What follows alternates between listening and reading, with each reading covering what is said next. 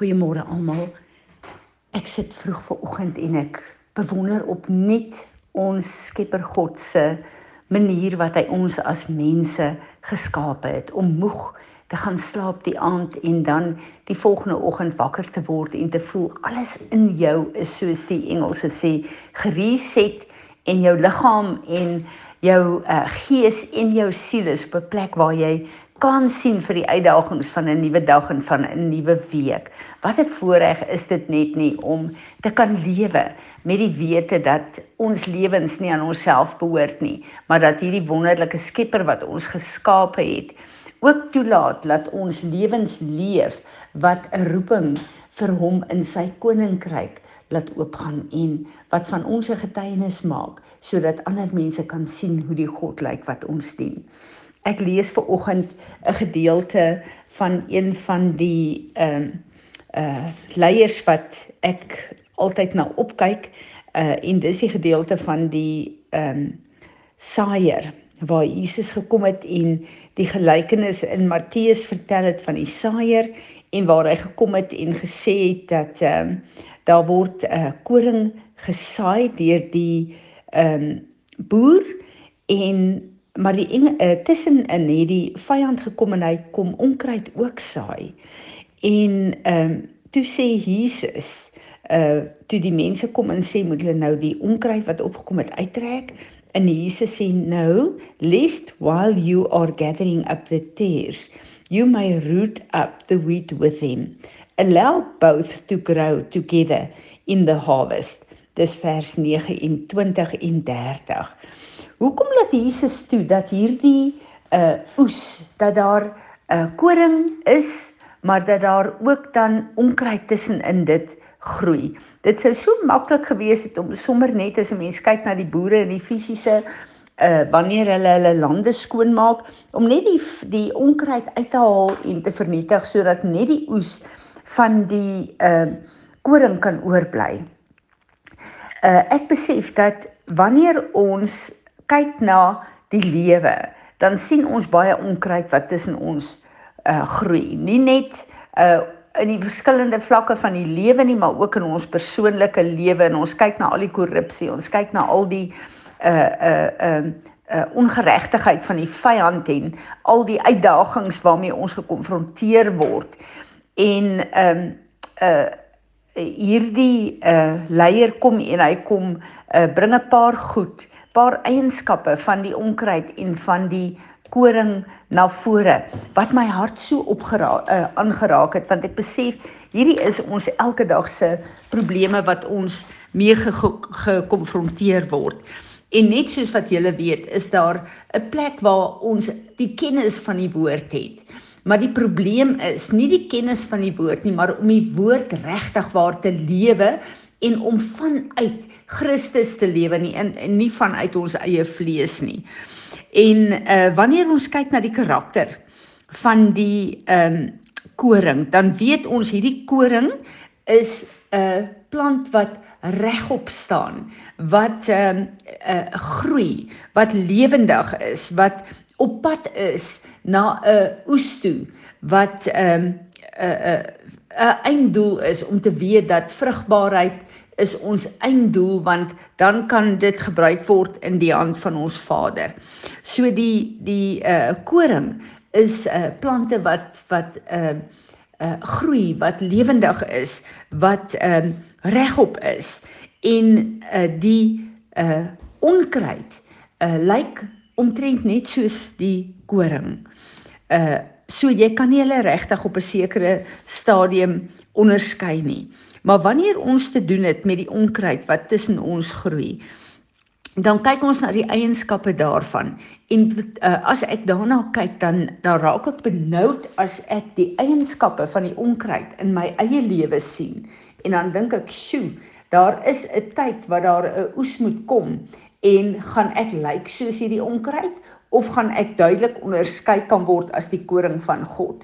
As ons kyk na die onkruid langs ons, dan besef ons hierdie is mense wat baie maklik nie net die koring uh God se vrug, God se kinders uh kritiseer nie, maar ook die mense reg rondom hulle ook.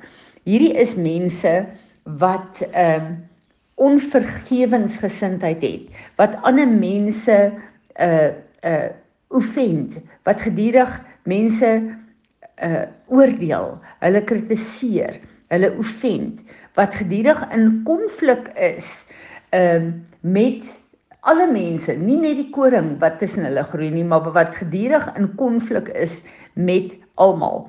Wat 'n uh, 'n uh, almal rondom hulle se lewens so ehm uh, wil 'n standaard voorgee dat uh mense se optrede hulle lewe vergemaklik in elke opsig. So hulle is gedurig in konflik met ander mense. En dan is dit nooit nooit hulle skuld nie. Wanneer daar 'n probleem is, wanneer daar 'n mislukking is, wanneer daar 'n struikelblok is, dan is dit nooit hulle skuld nie. Dis altyd iemand anders se skuld as goed nie met hulle reg gaan nie. So hulle erken nooit dat hulle uh, swak is of dat hulle probleme veroorsaak nie. Al die probleme is altyd iemand anders se skuld. En uh wanneer ons kyk na die die uh onkruid wat groei, dan is dit baie moeilik vir daai onkruid om regtig waar met ander mense veral ander mense se sukses en geluk uh, te kan deel. Vir hulle is dit altyd 'n uh, 'n uh, 'n maatstaf om uh, die dit wat hulle nog nie in hulle lewe het nie. Dis 'n maatstaf vir hulle om te meet en dan gaan hulle in 'n plek in waar hulle voel almal is onregverdig teenoor hulle want dit gaan nie so goed met hulle as met ander mense nie. En wanneer ons kyk na die uh, plek waar uh, onkruid gedurig offended is, gedurig uh, kritiseer en gedurig ander mense se se uh, lewens wil gebruik as 'n wapen teen hulle waar dit met hulle goed gaan. As ons hierna kyk dan besef ons daar is baie van hierdie mense wat wat ehm um, rondom ons lewe. Hierdie is mense wat nooit verskoning sal vra nie, wat nooit hulle knie sal buig om te erken dat hulle foute het nie en wat altyd ander mense blameer vir hulle eie foute. En uh vir my is dit 'n absolute rooi lig in ons verhouding in ons innerkring. Uh dit wil sê ons huismense, ons naby familie. Hoe lyk ons gesindheid teenoor hulle? Het ons genade vir hulle probleme? Want wanneer jy regtig God se vrug is, dan besef jy hoe broos jy is en hoe nodig jy God het elke dag. En daarom het 'n mens dan genade vir ander mense se probleme en se foute. Of gebruik ons ander mense se probleme en foute en tekortkominge om selfregverdigend te wees en te sê omdat jy dit doen, kan ek dit doen. Ons kan nooit nooit 'n standaard of ander mense se foute en probleme en verkeerde optrede gebruik as 'n regverdiging om self dan verkeerd op te tree nie. Ek besef net as ons God se saad is wat hy uh, op aarde laat groei, dan is ons geroep om vir hierdie onkruid te bid. Om te bid vir hierdie mense dat hulle uh, uh hulle sal sien met die oë wat God na hulle kyk en dat hulle hulle foute en hulle probleme sal sien en dat die liefde van hierdie God wat alles raak sien en alles weet in hulle harte sal 'n um, 'n 'n 'n rusplek kry en 'n letterlik ingeplant word sodat God se liefde hulle sal laat sien hoe nodig hulle hom het en dat hulle dan hulle knie sal buig. Want een ding van van onkruid is hulle wil nie hulle knie buig nie hulle wil ook nie hulle self buig voor God of voor ander mense nie. En daarom uh veral die plekke waar waar die koring van God groei en uh op so 'n manier groei om mense te trek na Jesus toe, dan uh vermy hulle sulke mense. So mense uh wat God se se plante is. Uh Matteus staan daar dat every plant that has not been planted by my God will be uprooted. Hulle weet goed wie is deur God geplant. Wie is besig om hulle te onderwerp aan God se groeiprosesse wat beteken uh dat jy keuses maak om te verander in jou lewe want jy moet begin lyk soos die vrug wat God geplant het.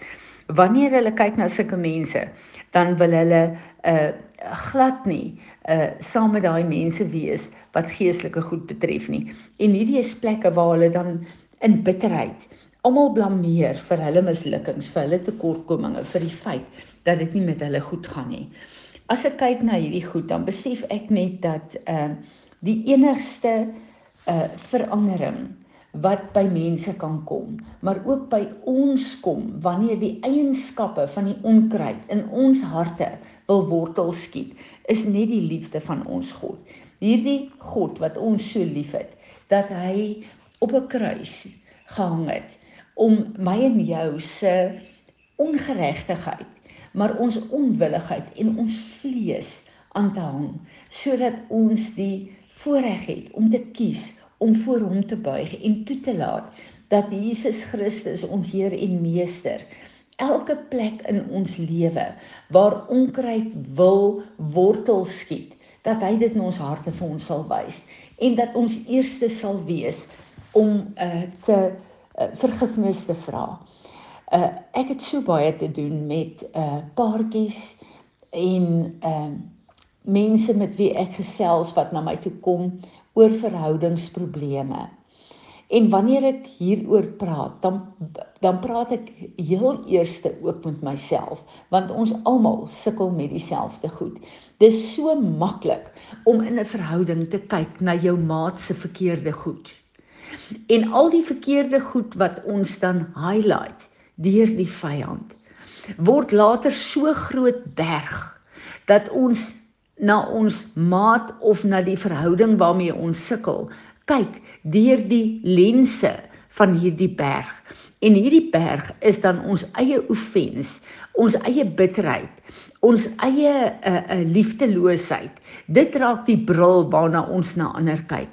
En al wat jy kan raak sien is hierdie foute wat vir jou so 'n groot probleem is en dit is hoe jy jou jou maat of hierdie mens in hierdie verhouding begin behandel. In die heer, heel eerste plek is ons baie baie goed daarmee om ons net eenvoudig te onttrek. En wat is die wortel van hierdie onttrek?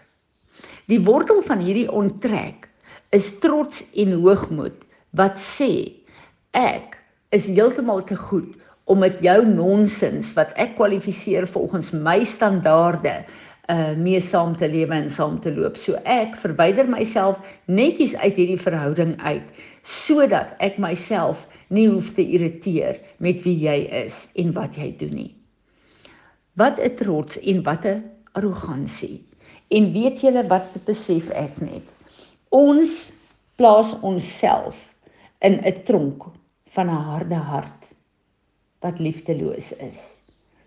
En dit sluit alle mense uit ons lewe uit. Ook die wat ons graag daar wil hê. Mag die Here ons help in hierdie tyd dat ons nie sal toelaat dat die karaktereienskappe van onkruid in ons harte ingang vind nie. Maar laat ons ons harte voor God sal stel om opnuut weer te was met die bloed van Jesus Christus en om dan op hierdie plek ons harte te vul met sy goddelike liefde sodat ons 'n vrug kan wees wat hy kan gebruik in ander mense se lewens. Ons het 'n leier wat ehm uh, die afgelope week 'n uh, die afsluiting by 'n kinderhuis waarby ons betrokke was gehou het. En sy getuienis het my hart so aangeraak want hy sê hy is 'n besige besigheidsman en hy wou veel eerder in die veld wees in sy beroep as wat hy sy tyd wou gebruik vir die kinders in hierdie kinderhuis. En sy vrou het vir hom gesê: "Jy is trots en hoogmoedig." En hierdie is nie 'n eienskap wat ek regtig waar aan hierdie 'n uh, jong leier toedig nie. Maar hy sê hy het besef dis die waarheid en hy is vol trots en hoogmoed want hy wil kies met wie hy sy tyd deurbring. Maar waar God hom regtig wil laat mense en kinders se lewe aanraak daai dag, was hy geïrriteerd mee en hy kon voor die Here breek en hy kon bely. Dit het my hart aangeraak want ek het net besef dat die absolute uh uh middelpunt van hierdie uh goed waaroor ek ver oggend praat is trots en hoogmoed. Vader, ons het U nodig. Ons het U nodig. Ek wil vra dat U my sal vergewe elke plek waar ek toelaat dat onkruid in my hart ingang vind en begin groei saam met U vrug. Ek vra vergifnis vir die gemengde saad wat ek in my hart toelaat. Want hierdie saad manifesteer buite toe of ek dit wil weet of nie. Vergewe my. Ek wil kom bely dat my hart liefdeloos is en dat ek 'n tronk van 'n harde hart in my hart kom maak het. Ek wil vandag vra Here dat U hierdie tronk sal vernietig. Ek wil myself kom buig in repentance voor U. Maar ek wil vra Here, kom was my hart opnuut skoon met die bloed van my verlosser trek asseblief al hierdie onkruid uit my hart uit. Here, ek wil net u saad in my hart hê, die onverganklike saad, Jesus Christus, my Heer en Meester. Help my. Amen.